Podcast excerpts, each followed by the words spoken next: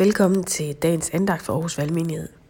Vi læser i dag fra Romerbrevet kapitel 1, vers 13-25. Og der står sådan her. Og det skal I vide, brødre, at jeg tit har sat mig for at komme, men hidtil er blevet forhindret. Jeg ville nemlig gerne høste nogle frugt også hos jer, ligesom blandt de andre folkeslag, både grækere og barbarer. Både vise og uforstandige er jeg forpligtet overfor.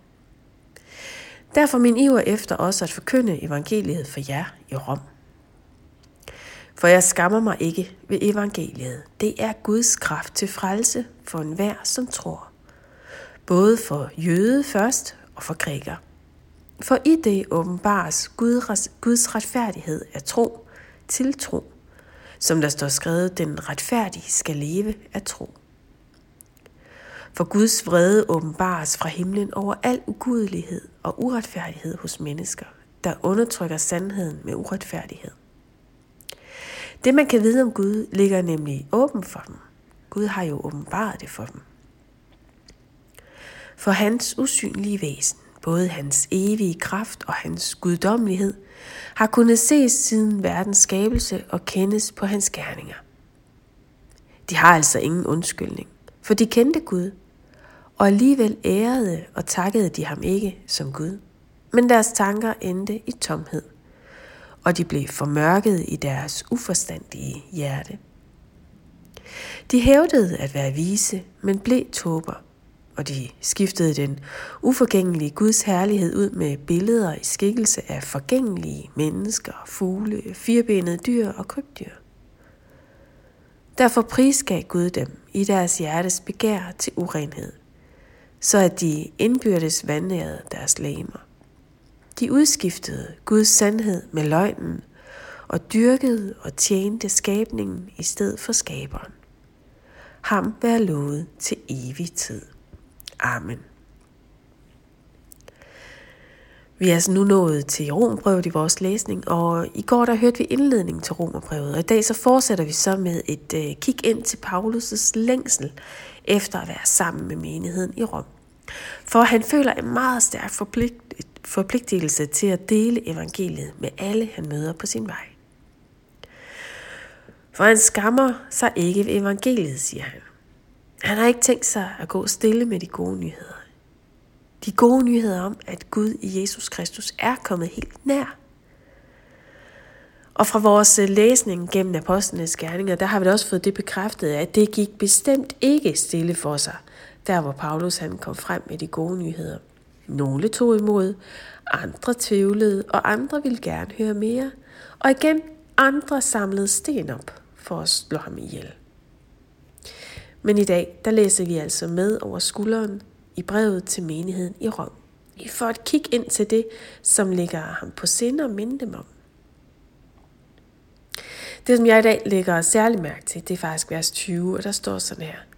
For hans usynlige væsen, både hans evige kraft og hans guddommelighed, har kunnet ses siden verdens skabelse og kendes på hans gerninger. Så Guds usynlige væsen. Guds usynlige væsen, som jo i virkeligheden er meget, meget synligt til stede i verden. Gud som skaberen og opretholderen. Gud, som har skabt himlen og jorden, de høje bjerge og den mindste lille bitte bille. Gud, som væver hvert enkelt menneske sammen til et helt enestående individ. Og Gud, som puster liv i alt, og med sit ord opretholder verden. Gud, som med sin kraft formår at skabe liv og vække troen ved sin ånd. Og Gud, som sendte Jesus selv for at være hos os og med os. Jesus, Emmanuel, et andet ord, for, der sættes på Jesus, som betyder Gud med os den usynlige Gud, nu helt synligt til stede i verden. Som menneske på menneskelige vilkår, så bliver det vist ikke mere synligt, vel? Og i Jesus, der åbenbarer Gud sig som den, der tjener og elsker. I Jesu nærhed, der er der helbredelse, der er noget, der er kærlighed, der er frihed. Her er frelsen. Her møder vi den retfærdige, hellige Gud. Guds usynlige væsen. Jeg synes faktisk ikke, det er så usynligt. For Gud han åbenbarer sig gennem skaberværket, gennem sit ord, gennem Jesus Kristus. Og det lyder simpelthen også til at have været Paulus' erfaring, at den usynlige Gud åbenbarer sig synligt, vækker tro og liv. Og spørgsmålet til os i dag, det er, er vi villige til at løfte øjnene fra det, vi har lige foran os, og se til den, som er livgiveren af alt. Spørgsmålet er, om vi kan løfte øjnene fra alt det skabte og op til skaberen selv. Men lad os slutte andagten her med vers 20, og lige lad det vers sætte tonen særligt for dagen i dag. For hans usynlige væsen, både hans evige kraft og hans guddommelighed, har kunnet ses siden verdens skabelse og kendes på hans gerninger. Lad os bede sammen for dagen.